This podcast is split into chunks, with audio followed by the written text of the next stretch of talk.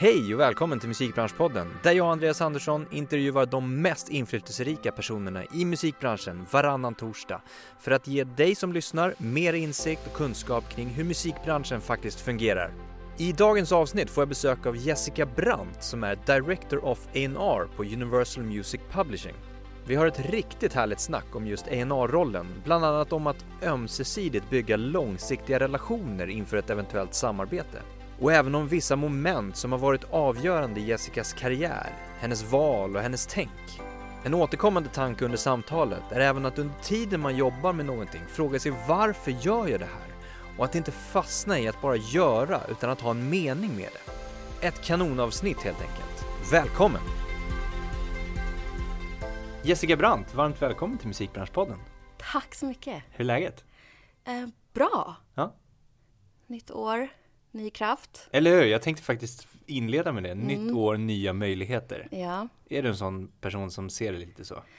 Jag, jag tror att man har en förhoppning om att det ska vara så eh, i det nya året. Att man ska mm, ha hunnit städa undan allting under, under dagarna innan jul och att man börjar liksom på någon slags clean slate. Mm. Och, och så är det ju inte. Nej. Utan jag håller ju på med exakt samma saker som jag gjorde i december. Plus mer. Precis. Ja, så det är ju ett pågående arbete hela tiden. Ja. Det är därför tiden går så himla fort och man aldrig blir uttråkad. ja, men exakt. Det är väl så här klassiska, gymmet är proppfullt eh, Mm. 3 januari eller Precis, you, you tell me, jag har inte hunnit dit ännu. Nej. Men Det jag, jag tycker själv sådär att varför egentligen, alltså om man nu ska vara så, så, så är det ju en liten bortförklaring att man säger så, att man ska invänta någonting nytt, typ måndagen eller nästa månad eller nästa år Exakt. till att starta igång någonting. Ja, Eh, och att det egentligen blir, jag förstår att många kan behöva kanske tiden att förbereda sig också, mentalt på det. Mm. Om man kommer på något nytt projekt eller ska jobba med något nytt projekt. Så. Absolut. Men du, det ska bli jättekul och, och spännande att snacka lite mer om dig tack för att jag får komma hit. och med dig och om din eh, roll som Director of A&R på Universal Publishing. Mm. Vi ska prata mycket om A&R-rollen och vad det betyder eh, och hur du jobbar. Eh, vi ska prata lite mer om jämställdhet och vi ska prata om lite om musikbransch. Vi Ja. kör, eller hur? Let's go. Du har ju en eh, tioårig bakgrund på Universal Music Publishing. Mm. Kan du inte berätta lite om den resan? Stycka upp den på något sätt. Absolut. Ehm, jag visste nog ganska tidigt i mitt liv att jag ville jobba i musikbranschen utan att egentligen ha någon anknytning. Mer än att man är, eller jag är en, ett barn av MTV-generationen kan Mm. man säga. Det var ju min stora passion och besatthet. Jag tror att min pappa ringde mig för några veckor sedan och frågade om han fick slänga eh, tio sopkassar med VHSer som stod i garaget med otroligt noga uppmärkt eh, genrevis, eh, artistvis, årvis, eh, olika galor och dokumentärer, musikvideos som jag jättenoga har dokumenterat eh, sen liksom, Och jag vet bandat inte. liksom. Och bandat sen Wow. typ sju års ålder eller när man nu lärde sig den här tvåfingerfattningen på, Ja. på kontrollen. Vad var svaret till pappa? Att jag måste vänt, tänka lite. Ja, jag förstår det. det blir ju en liten klenod liksom. Så, att, så att det var ett jättenaturligt intresse för mig eh, redan när jag var liten. Och det kommer ifrån min pappas familj, det kommer från eh, eh, farmor, farfar, faster, pappa som alla har på någon slags nivå varit musiker eller artister. Okej. Min faster är väl den enda som har spelat in en skiva. Det var på Billy Butt-tiden med Robert Wells på keyboard och eh, någon slags show på Hamburger Börs. Och eh, ja, 80-tal Ja. helt enkelt. Såg du upp till henne då? Otroligt mycket. Mm. Och det var ju liksom det bästa jag visste var ju att följa med och kolla när hon repa med olika rockband som hon hade och, Mm. och prata musik helt enkelt. Eh, så att det kommer hemifrån men jag är uppvuxen i, eh, på en ridskola. Mina föräldrar har i hela mitt liv haft 40 hästar. Så, Oj. det, så det var mitt, mitt, liv Ja. och min vardag. Gå till skolan, eh, gå till stallet.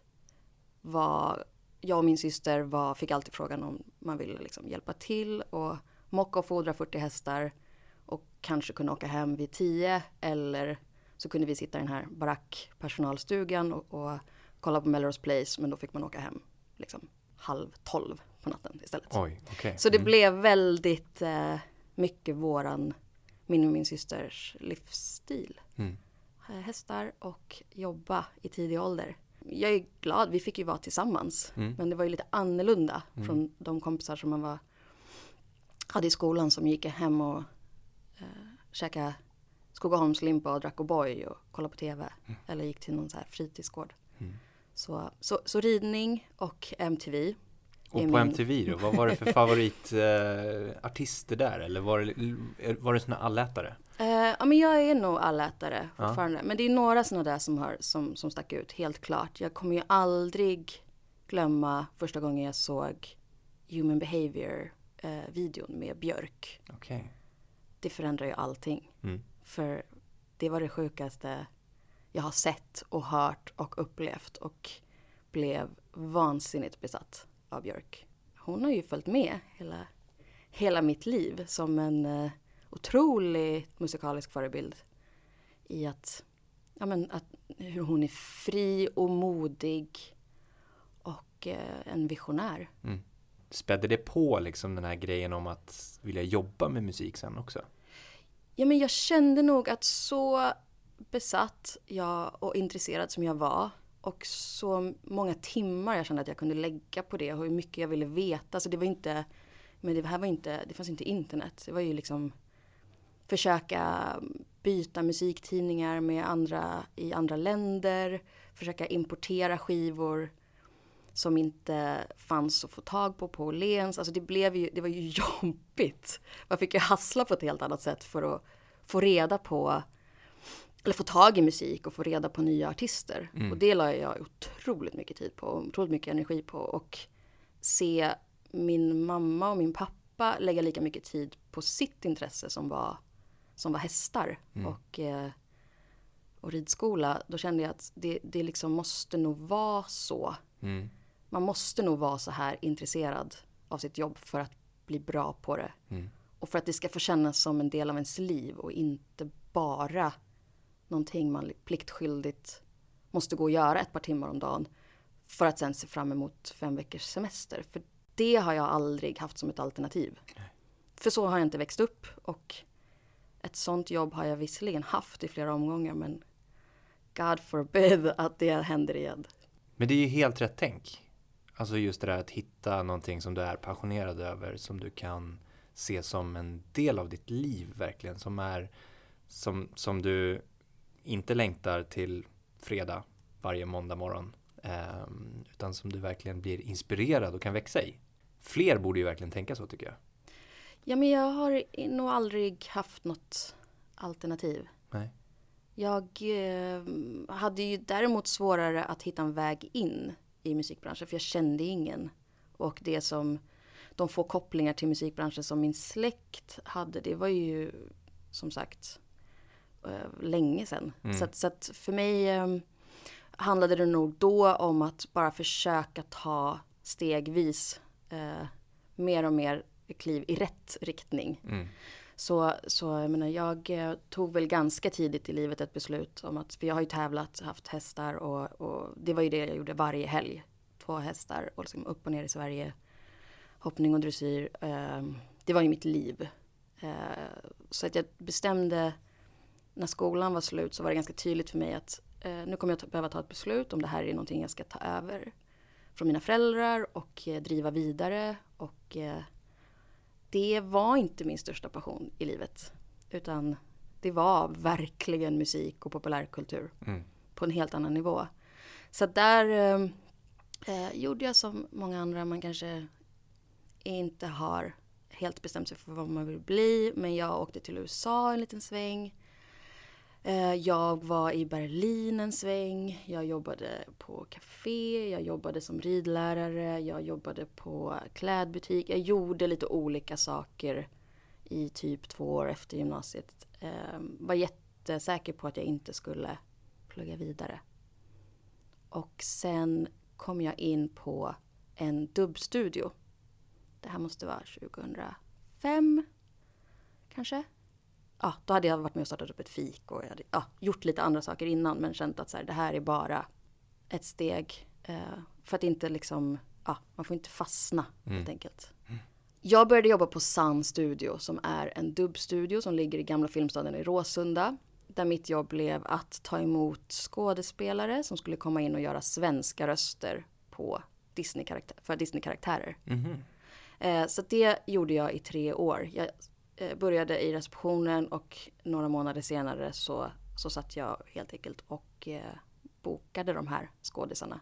Och fick eh, lära mig handskas med deras olika personligheter och önskemål och förhandla deras arvoden. Och lära mig jättemycket om castingbiten också. Att hitta den här rösten mm. eh, för karaktären. Eh, så så jag, jag lärde känna jättemycket människor där och eh, en dag fick jag en ny kollega som tipsade mig om branschtidningen musikindustrin.se och en annons som de hade lagt ut som var vd assistent slash creative assistent på Universal Music Publishing. Och hon hade jobbat på skivbolag innan så jag frågade vad är, vad är publishing? Så här, jag, jag, vet inte riktigt. Alltså de, de jobbar med låtskrivare tror jag. Och hon hade ändå jobbat på skivbolag. ja. ja. Så jag sa okej, okay, ja, men jag skriver ihop ett brev. Jag sa, känner du någon där? Nej, alltså jag har ju träffat, träffat Jonas Wikström någon gång men jag kan inte säga att jag känner honom. Så här, nej men. Okay. Så jag skrev ihop ett, ett väldigt ambitiöst brev och på något mirakulöst sätt så ville de träffa mig där i alla fall. Okay. Så det var första gången jag satte min fot på Universal Publishing. Mm. Och det är snart 11 år sedan. Wow. I mars är, är det 11 år sedan jag började. Och det är ändå liksom första jobbet i musikbranschen mm. Som du har? Yes. Så att mitt första möte var med Martin Ingeström som än idag är VD mm. för Universal Publishing i Norden. Andra mötet tror jag han hade glömt bort. Så då fick jag träffa Jonas Wikström. Eller om det skulle vara båda. Jag minns inte riktigt. Men jag minns att jag tyckte det var ett jättebra möte.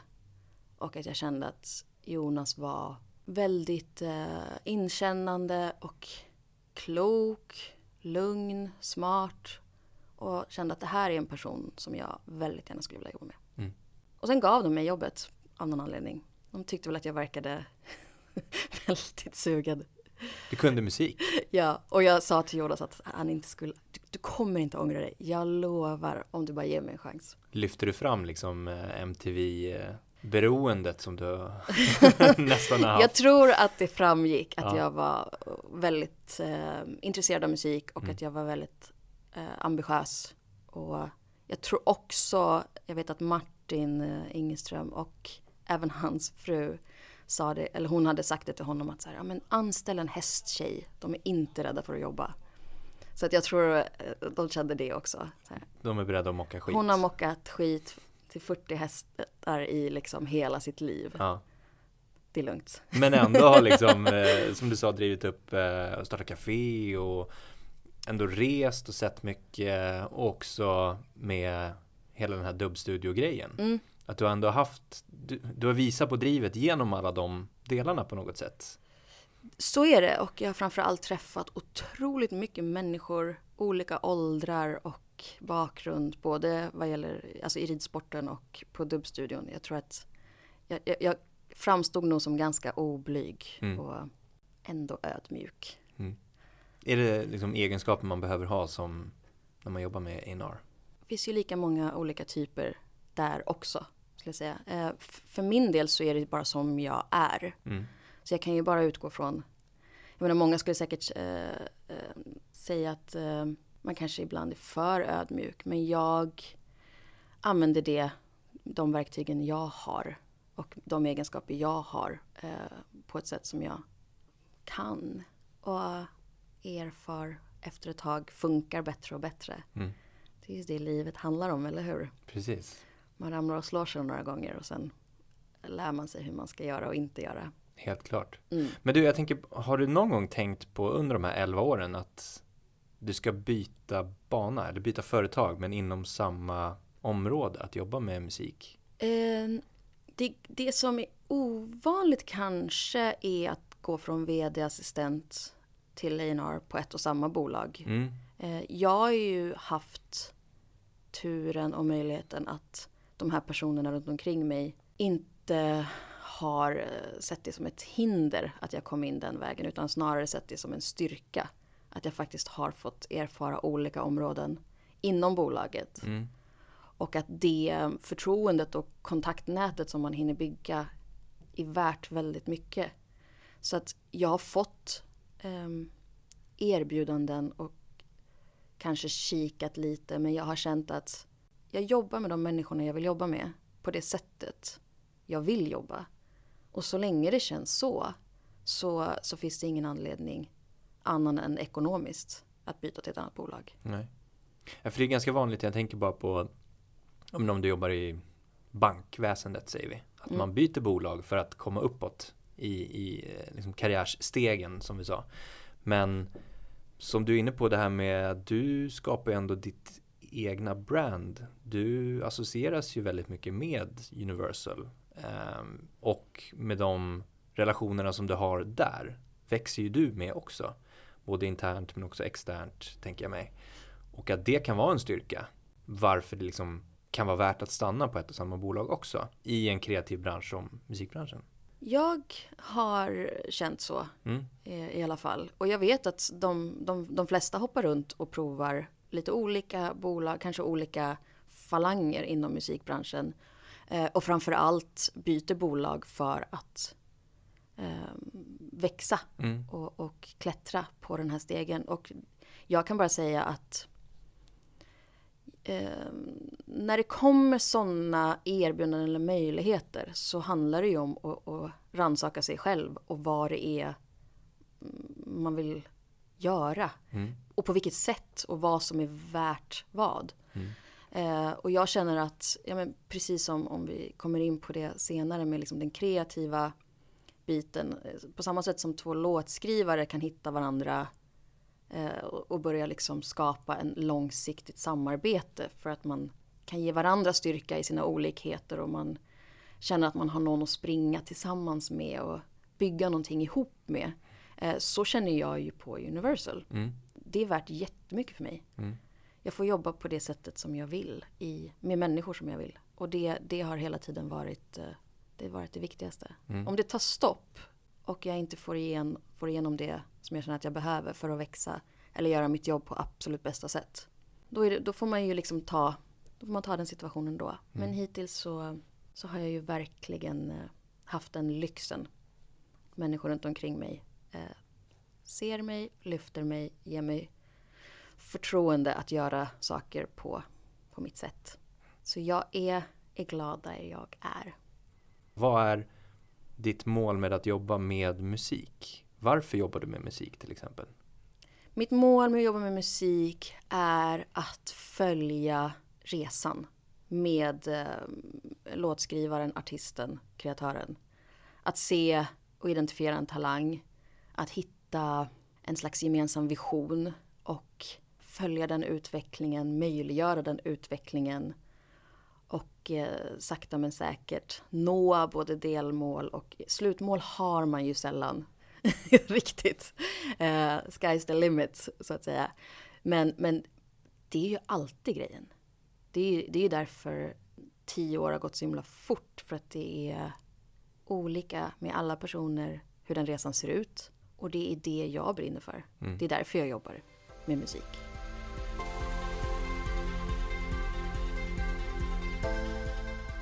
Har, har, du haft liksom perioder, jag tänker under de här 11 åren nu, där man blir lite trött på att oh, nu ska jag, jag jobb, fortsätta jobba med de här fem artisterna, men det kommer inga, eller fem låtskrivarna, det kommer inga nya. Liksom, jag hittar inga nya signingar, eller vi signar ingenting nytt. Att, man får en liten svacka. Alltså svårigheterna kommer hela tiden. Och jag tror att eftersom man jobbar med så himla olika typer av projekt varje dag så känner jag aldrig Eh, att det liksom inte händer någonting. Man kan känna att det tar för lång tid. Mm. Det är det ju. När man känner att så här, nu, det här har tagit för lång tid, det borde hända någonting. Då brukar det ta ännu lite längre tid. Tills man nästan inte pallar. Och sen kommer belöningen. Mm. Och då mm. brukar det vara lite av en catch-up-effekt också. För då har man tragglat med parallellt med ett par grejer så, och känt att fan, det här borde, det här borde verkligen lossna snart. Mm. Eh, så det blir aldrig tråkigt. Jag hinner aldrig stanna upp och säga eh, att det inte finns talang. Eh, därför att det finns det hela tiden på olika sätt. Och det är därför jag tycker det är så lyxigt med publishing också. Att, att det inte handlar om en, bara om en, en placering på New Music Friday och streams. Utan att det kan finnas en talang som man utvecklar jättespecifikt inom eh, filmscore. Det kan finnas en talang som man bygger jättemycket i ett livesammanhang. Och det kan finnas eh, talang som både gör en artistkarriär kombinerat med att skriva för andra. Det är så himla brett Mm. och så stort. Vilket också gör att eh, den stora lärdomen är ju att därför, därför kan man inte jobba med så många Mm. heller. Som på kanske ett, ett skivbolag där det förväntas släppas antal releaser per år så, så kan jag jobba med en talang eh, mycket, mycket mer långsiktigt. Mm. Och kanske att belöningen kommer om tre år. Och pengarna också för den delen. Ja, precis. De kommer alltid senare. Exakt. Det tar alltid lång tid för Ja. den processen. Så att jag har aldrig varit, aldrig upplevt, eh, om vi ska svara på frågan, att, att det känns som att det är lite torka. Nej. Det kan kännas eh, svårt, Mm. nästan till omöjligt. Det kan kännas oklart. Vad är det för, vad är klimatet just nu? Vad, vad lyssnar folk på? Vad är, vad är intressant? Jag kan själv känna mig lite oinspirerad när jag själv ska lyssna på musik. Mm. Under julen så, så har jag bara kollat på fashion-dokumentärer. Inte lyssnat på musik överhuvudtaget. Och bara in i en annan kreativ bransch. Vad triggas de av? Vad är spännande där just nu? Då får man bara byta lite fokus. Mm. För jag tror, om man hamnar i ett läge där man känner att det inte finns någon talang och att all musik är dålig, då tror jag att man får titta, titta lite på sig själv. Det Exakt. kanske är jag som är, som är trött eller oinspirerad eller inte har utmanat mig själv på länge. Exakt, det var Så det jag att, tänkte ja. på att fråga just att så här, börjar man titta inåt då istället att om inte jag hittar någon talang så är det inte fel på att det inte finns talanger eller eh, om inte jag utvecklar de liksom, signingarna vi har. Mm. Det kanske är jag som är oinspirerad. Ja men det är jätteofta så. Och speciellt i en tid där, där eh, man, det går fort och man gör så mycket saker. Och man kan hamna i ett läge där man sitter och, och släcker bränder och Mm. svarar på mail istället för att ja, men, lyssna på musik på ett ostört sätt. Där man, där man faktiskt eh, analyserar och eh, ja, men, lyssnar på annan musik som man kanske inte är ens vanliga go-to spellistor och helt enkelt utmanar sig själv. Jag måste vara på tårna eh, och vara på en bra plats själv om jag ska vara bra för de låtskrivare jag jobbar med. Så det är jättetydligt. Mm. Är jag utarbetad och utmattad och oinspirerad så kan jag omöjligt göra ett bra jobb för, för låtskrivarna. Jag tror det är jätteviktigt inom alla olika delar egentligen du gör. Om det är på fritid eller jobb eller vad det nu skulle kunna vara i livet. Att gå helt utanför och göra någonting helt annat inom någon helt annan del. Absolut, och jag har ju alltid hästarna också. Ja, ja men exakt att falla tillbaka är, till. om man är liksom. riktigt trött på människor en, en tid så kan man sätta sig på en häst och rida ut i skogen och lyssna på tystnaden. Ja, det låter ju ganska underbart faktiskt. Ja, man får hitta sina knep. Om man går tillbaka till det här med utmaningar och lite så här svårigheter. Har du någon grej under de här 11 åren som har varit en, liksom den största, största utmaningen som du kommer ihåg att ja men det där var, det där var kämpigt. Men kanske Förutom lyckades. att föda barn och jag var jättedålig på att vara mammaledig. jag fick eh, möjligheten att komma in på Universal Publishing, vilket var fantastiskt. Och eh, det som var en vd-assistentroll blev ganska snabbt att jag började skicka tips och antagligen ställa idiotiska frågor eh, till Jonas och började jobba väldigt nära eh, Jonas snabbt. De låtskrivare som han jobbade med, jag fick vara med på ett hörn, jag fick se och lära och eh, lära känna dem och upptäcka musik via dem och deras kontakter också. Eh, och, och, och växte ju väldigt snabbt in i den rollen. Eh, som gjorde att Universal kände att vi kanske, det kanske är dags att lyfta Jessica från receptionen eh, till ett mer, mer kreativ roll. Och det fanns ju ingen plats på en A&R-avdelning. Jag hade ju jobbat jättekort och eh, vi är ett litet bolag fortfarande i Sverige, är vi ju det. Eh, så att de hittade på en ny roll till mig där jag fick gå in och bygga upp en film och tv-avdelning som på den tiden var två män som svarade i telefon om någon ville licensiera musik. Kanske inte så proaktiv avdelning. Nej. Eh, så det var ju min första stora utmaning. Okej, okay, vad betyder det? Hur, hur gör man nu? Hur blir man en music supervisor? Hur, hur når jag ut med vår repertoar i film, tv och reklam? Någonting som jag absolut inte hade hållit på med. Så det var ju första gången jag kände att okej, okay, det här är nytt. Det här är helt nytt. Jag åkte eh, på mm, film och tv-konferens och träffade alla andra i hela världen och bara okej, okay, men de är ju också bara music lovers. Så jag får bara se och lära. Mm. Och började eh, ta mig in i den branschen och lärde känna reklambyråer, produktionsbolag och regissörer. Och det var kul och jättespännande att lära sig att jobba med en långfilm och hur varje scen ska musikläggas. Jobba jättenära regissören. Och sen hela licensieringsprocessen. Okej, nu vill vi ha den här låten.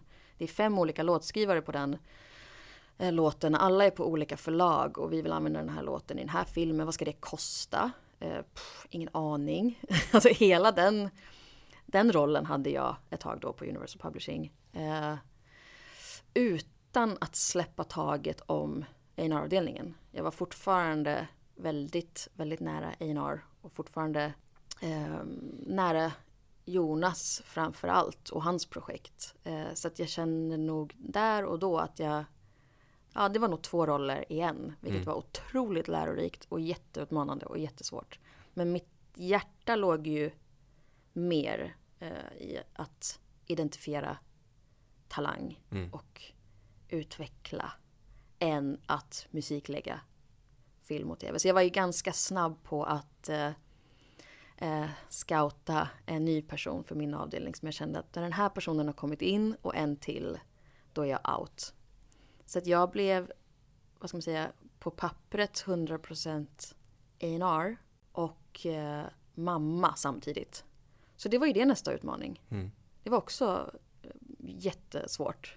För då kände jag att jag verkligen ville sätta igång med 100% fokus på A&R. Det som jag, vad ska man säga, hade i fem års tid, eller fyra års tid kanske det är, eh, gått någon slags eh, utbildning i. Ja, bara genom att jobba nära, Precis. nära Jonas. Och också hitta att du ville göra det. Exakt, för det, det var inte så tydligt ens vad en förlags gjorde. Nej. Jag visste ju fortfarande inte ens när jag gick på min första intervju vad ett förlag var. Nej. Det fick ju liksom lite lösa sig på vägen. Mm. Jag tänkte bara, okej okay, det är musikbranschen, jag tar vilket jobb som helst. så, eh, så det var ju nästa utmaning. Men det går ju också. Det handlar ju om eh, inställning och att eh, prioritera. Så det är kanske inte, inte lika många kanske, eh, vad ska man säga, utanför kontoret hobbys och vänner längre. Men eh, jag eh, är väldigt, eh, väldigt glad att jag fick den möjligheten och fick och fick, tog den helt mm. enkelt. Mm. Precis. Och sen får man liksom ta resten lite på, på talang bara. Mm. As you go. Det är väl som med allt annat. Okej, okay, nu ser mitt liv ut så här. Vad har jag att jobba med? Mm. Okej. Okay. Anpassa sig till situationen. Ja, precis, så det var aldrig någon tvekan om att välja bort något. Nej. För att jag skulle ha ett barn. Utan det var ju så här, det blir en sak till mm. bara. Härligt. Och sen så blev det ju då, kan man säga promotad ja. i våras. Ja. Någonting sånt. Ja. Och blev eh, vi ska inte gå in på titlar pratade du om innan och gå in för mycket på det men ändå vad du är för någonting, Director ja. of A&R. Ja men exakt och, och det, har också, det är också superviktigt tror jag för alla människor att ibland få ett kvitto eh, på att jag gör saker på ett sätt som uppskattas och som funkar och eh, därför så, så fick jag det här, vad ska man säga, utökade ansvaret och eh, framförallt eh, mer resurser och möjligheter mm. att göra specifikt det som jag vill göra. Mm. Hur många klienter eller talanger jobbar du med? Det är så himla olika också. De flesta som jag har eh, tagit mig an är mm, väldigt produktiva hela tiden. I vissa fall så är det kanske att man jobbar med en artist som är, också är writer, men bara gör sitt projekt och släpper en skiva varannat år. Mm. Det är ett typ av arbete. Mm. I andra fall så jobbar man med en producent eller en låtskrivare som kanske fem dagar i veckan sitter i, i, i sessions med andra låtskrivare eller artister. Eh, och det är ett annat typ av jobb med det. Eh, men jag eh, har ju lärt mig och fattat efter ett par år eh, att det blir bäst om man jobbar med mer omfattande, med färre i förlagssammanhang. För min del så, så tar det oftast ganska lång tid att göra en signing. Mm. För jag vill bygga den relationen. Jag vill känna att det förtroendet finns innan man skriver på avtalet. Det är då man sällan kommer till en situation där man är oense om riktning eller oense om sound. För man vet redan. Man har redan gjort dem. Eh, man har redan fått de erfarenheterna. Man har redan varit i de situationerna. Mm. Så att det tar, och det är också en anledning till varför man kanske inte jobbar med så många. Det tar lång tid.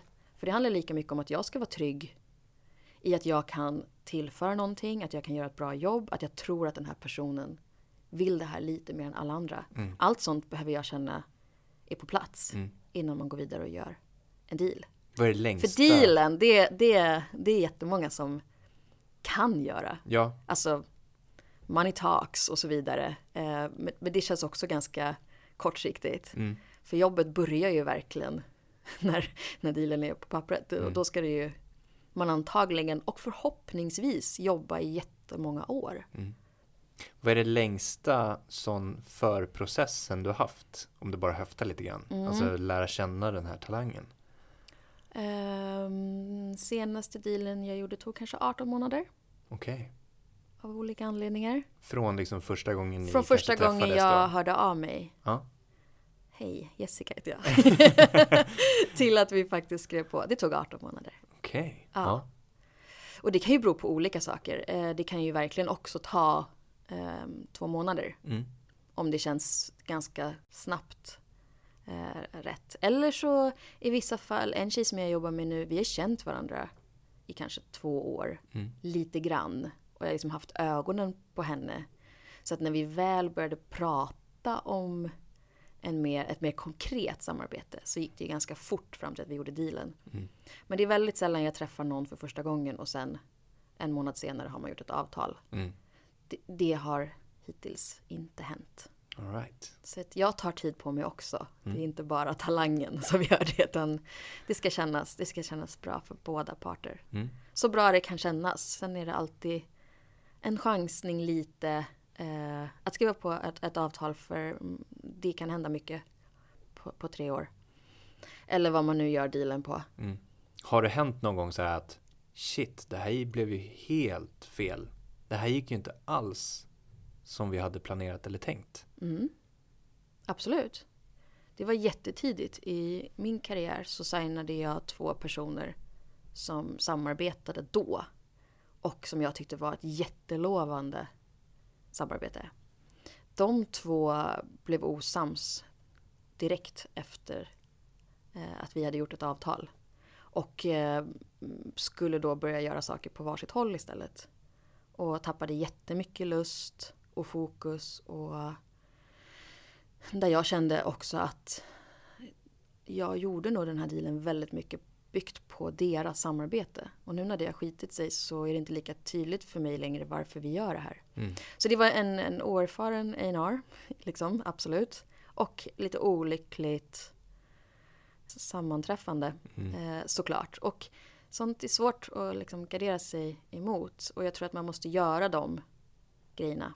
Mm några gånger mm. för, för att själv eh, börja lita på sin egentliga magkänsla som kanske egentligen lite fanns där redan hos mig. Men som jag viftade bort för att jag trodde så mycket på, jag ville så mycket, så gärna att det skulle vara på ett visst sätt. Ja, just det. Så att jag, jag liksom blundade och körde. Hur tacklade du det då? Men det får man tackla som i alla relationer i, i livet. Man får ibland bara erkänna sig slagen av att eh, någonting annat eh, hände som jag inte kan göra någonting åt. Eh, och man får helt enkelt ha, jag försöker man blir tryggare och modigare med åren. Och jag försöker vara så, så rak och tydlig jag kan. Eh, och så känna att man gör sitt bästa. Det går inte att kräva så mycket mer. Och känna att man kan, eh, ja men, man har behandlat människor som man själv vill bli behandlad. Jag tänker på den här processen, lära Mm. känna processen, Mm. om vi kallar den för det, Ja. inför en signing.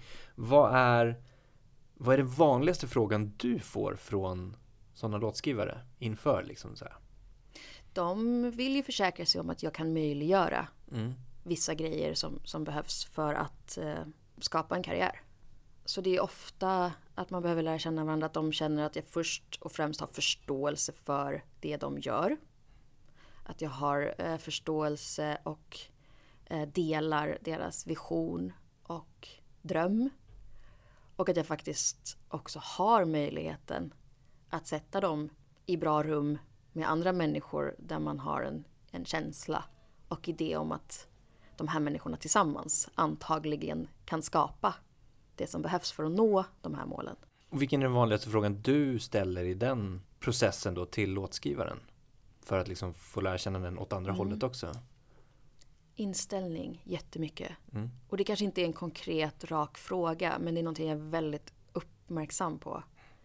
För eh, tillbaka till det vi pratade om med talang. Det är liksom en, en såklart jättestor del när jag bestämmer mig för att jag vill jobba med någon. Men det andra är driv. Den där, den där ja, som man pratar om ibland, glöden i, Mm. i ögonen. Finns inte den så det blir svårt. Mm.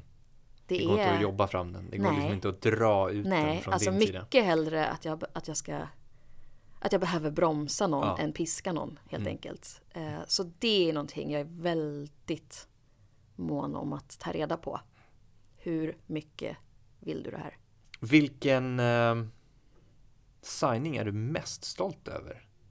Som du har gjort hittills? Åh, vad svårt. Det är som att säga vilket är ditt Ja. favoritbarn. Av alla dina barn, vilket är ditt favorit? Nej men jag är jättestolt över den resa som jag har gjort under tre års tid med en kille som heter Kalle Lehmann. Det är, tog lång tid att göra signingen. Han hade bestämt sig för att han inte skulle bo i Sverige ens. Han skulle bo i USA. Och sen eh, av olika anledningar blev han kvar här och där har liksom allting hänt lite som jag hade hoppats och ville och lite som vi har planerat. Och vi är ju långt ifrån i mål med någonting. Alltså, vi håller ju på. Mm. Men jag måste säga att jag hittills, ehm, jag var väldigt snabbt säker på att han var en talang. Det var inget snack om den saken. Och han var otroligt driven. Otroligt ambitiös. Otroligt eh, produktiv också. Och orädd. Jag tror att jag, liksom första grejerna vi gjorde, för vi, vi började jobba utan att ha något avtal på plats. Och testa lite saker. Och jag sa, ja, men kan du åka hit i, imorgon, det är ett camp, eller kan du göra det här? Och han liksom alltid på. Och vågade lita på att det var en bra grej. Och det samarbetet har bara fortsatt på exakt det sättet. Vi har, har ehm, rest hur mycket som helst, gjort hur mycket saker som helst och tre år senare så har ju också det verkligen gett resultat. Så jag är jättestolt över den resan som vi är på fortfarande. Kul. Mm. Kalle Lehmann, grymt duktig låtskrivare och sångare. Men inte att förglömma alla andra barn och signingar. Verkligen inte. Nej, alltså det är ju det, det, är ju det, liksom, det, är det viktigaste. Förutom mitt riktiga barn så är det här det absolut viktigaste jag har i livet. Om du får önska eller fundera framåt, har du Mm. någon så här äh, önskesigning du skulle vilja göra? Ja, så man drömmer ju alltid om att och springa på en, eh, en låtskrivare och artist som har en jättetydlig och spännande vision redan. Alltså en, en Gaga, Lana Del Rey person. Mm. Som när jag upptäckte Björk. Mm. Det är alltid det som, som, som ticklar. Mm. Skulle du känna dig lite nöjd om du hittade den? Att säga wow, nu är jag, I'm done. Jag använder inte ordet nöjd. Jag vet inte riktigt vad det vad det betyder. Jag tycker det är skitkrångligt. Eh, jag hade nog känt att eh, det här är jättekul och det här är helt fantastiskt. Men, men det är liksom, det finns inget stopp, det finns ingen hejd i hur mycket man vill göra Mm. i det här. Eh, så att nej, nöjd eh, använder jag inte. Men kan du Det är vara... ett jävla jag, skitord. jag, jag, jag har använt det förut. Mm. Kan du vara nöjd men att inte nöja dig? Tillfreds. Precis. Alltså att du är nöjd med den signingen. Du är nöjd liksom sådär. Stolt. Men, ja precis, så kan man säga Så istället. är det nog ja. snarare. Jag är alltid livrädd för att säga, för att känna att eh, ja, men nu har vi uppnått det vi skulle. Mm. Eller nu, eh, nu kanske det är svårt att komma längre. Sådana tankar existerar inte. Utan det är alltid vidare. Och det är därför man ibland blir helt utmattad och måste ta jullov och kolla på fashion-dokumentärer istället. Mm. För att så komma ihåg vad man håller på med. Ehm, nej, aldrig nöjd. Bara jätteviktigt att ibland stanna upp och vara stolt. Mm. Det kanske man ska bli ännu bättre på. Bara så här, vänta nu, vad, wow, det här har faktiskt du som låtskrivare åstadkommit och vi gjort ihop under året. Det är makalöst istället för att bara se allt som vi inte ännu Mm. har uppnått. Och det är det svåraste. För liksom vinnarskalle, tjurskalle och vill alltid mer. Så att man behöver inte vara orolig för att eh, man ska ha tråkigt på jobbet. Om det går bra så, så höjs bara ribban. Så att Bra. det finns inget stopp. Bra inställning. Ja.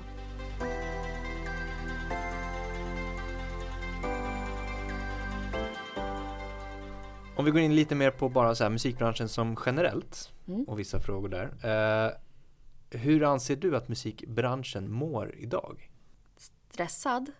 Ja, Eh, och eh, men det blir så, det är så kul. Vi har ju suttit länge i Sverige och tittat på, på streaming nummersiffror. Och eh, det där har ju verkligen spridit sig till andra territorier också nu och blivit en, en måttstock väldigt mycket på, på framgång.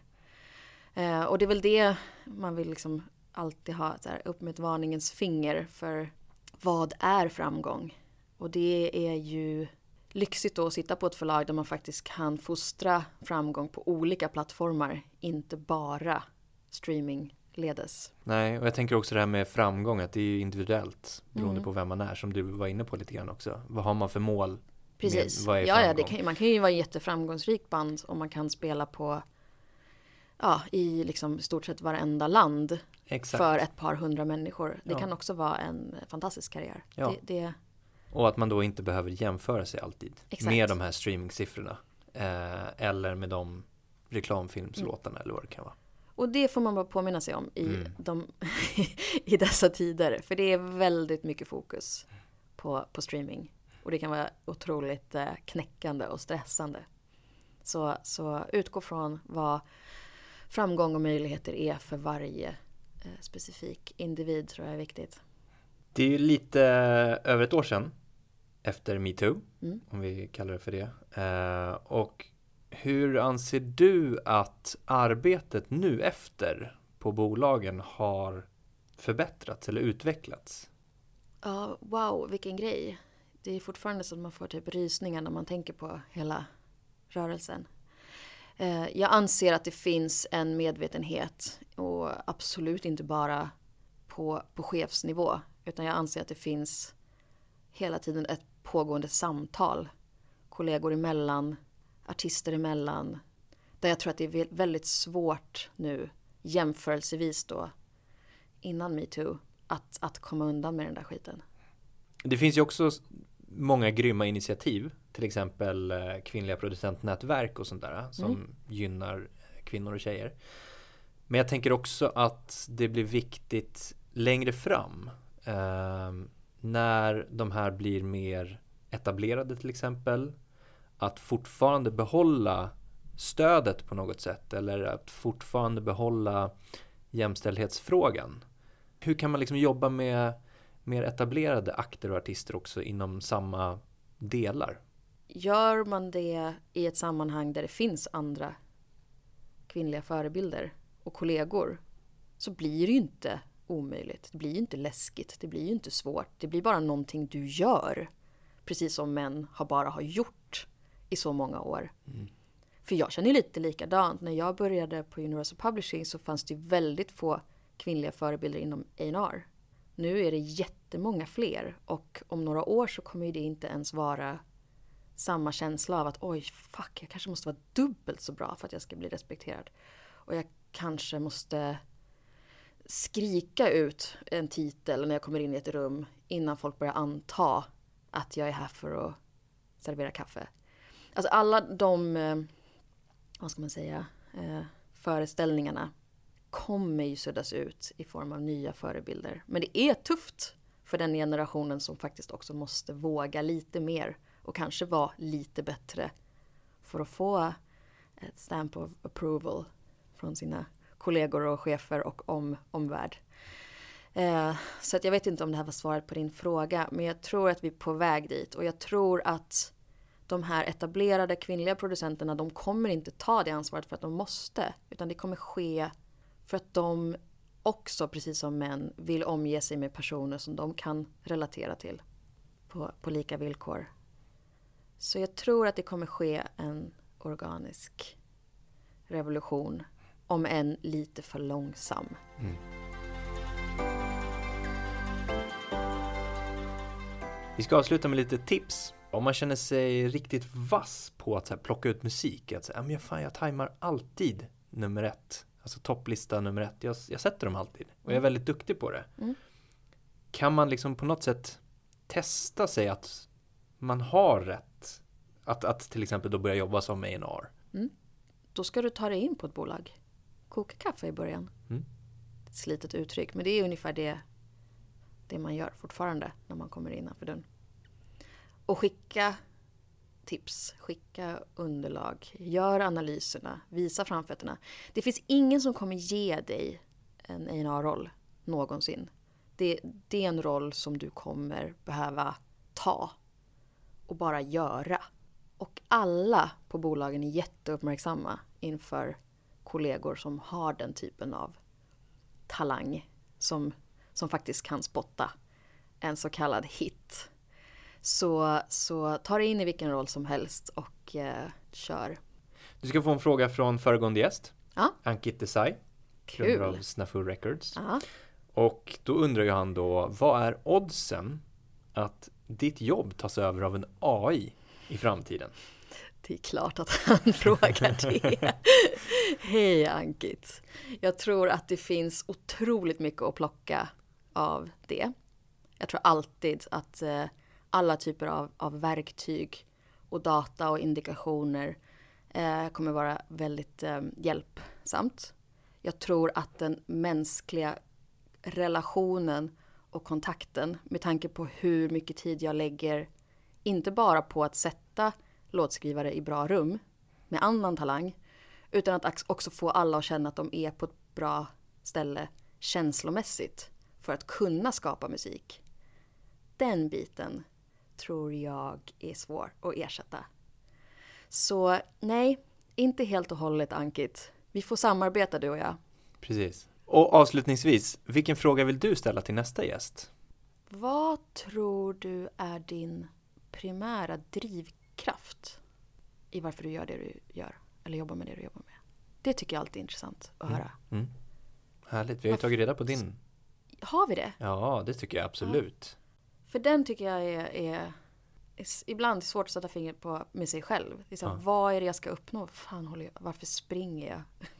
vart, vart är jag på väg? Men jag varför? tror att vi kanske landade i att jag bara är intresserad av det här. Du brinner för det? Ja. Jessica, jättetack för uh, trevligt samtal. Tack själv. Det var superkul att höra mer om dig, om rollen, hur du tänker kring A&R-rollen också. Och missar vi något så får du ringa mig. Ja, precis. Tack för att jag fick komma hit.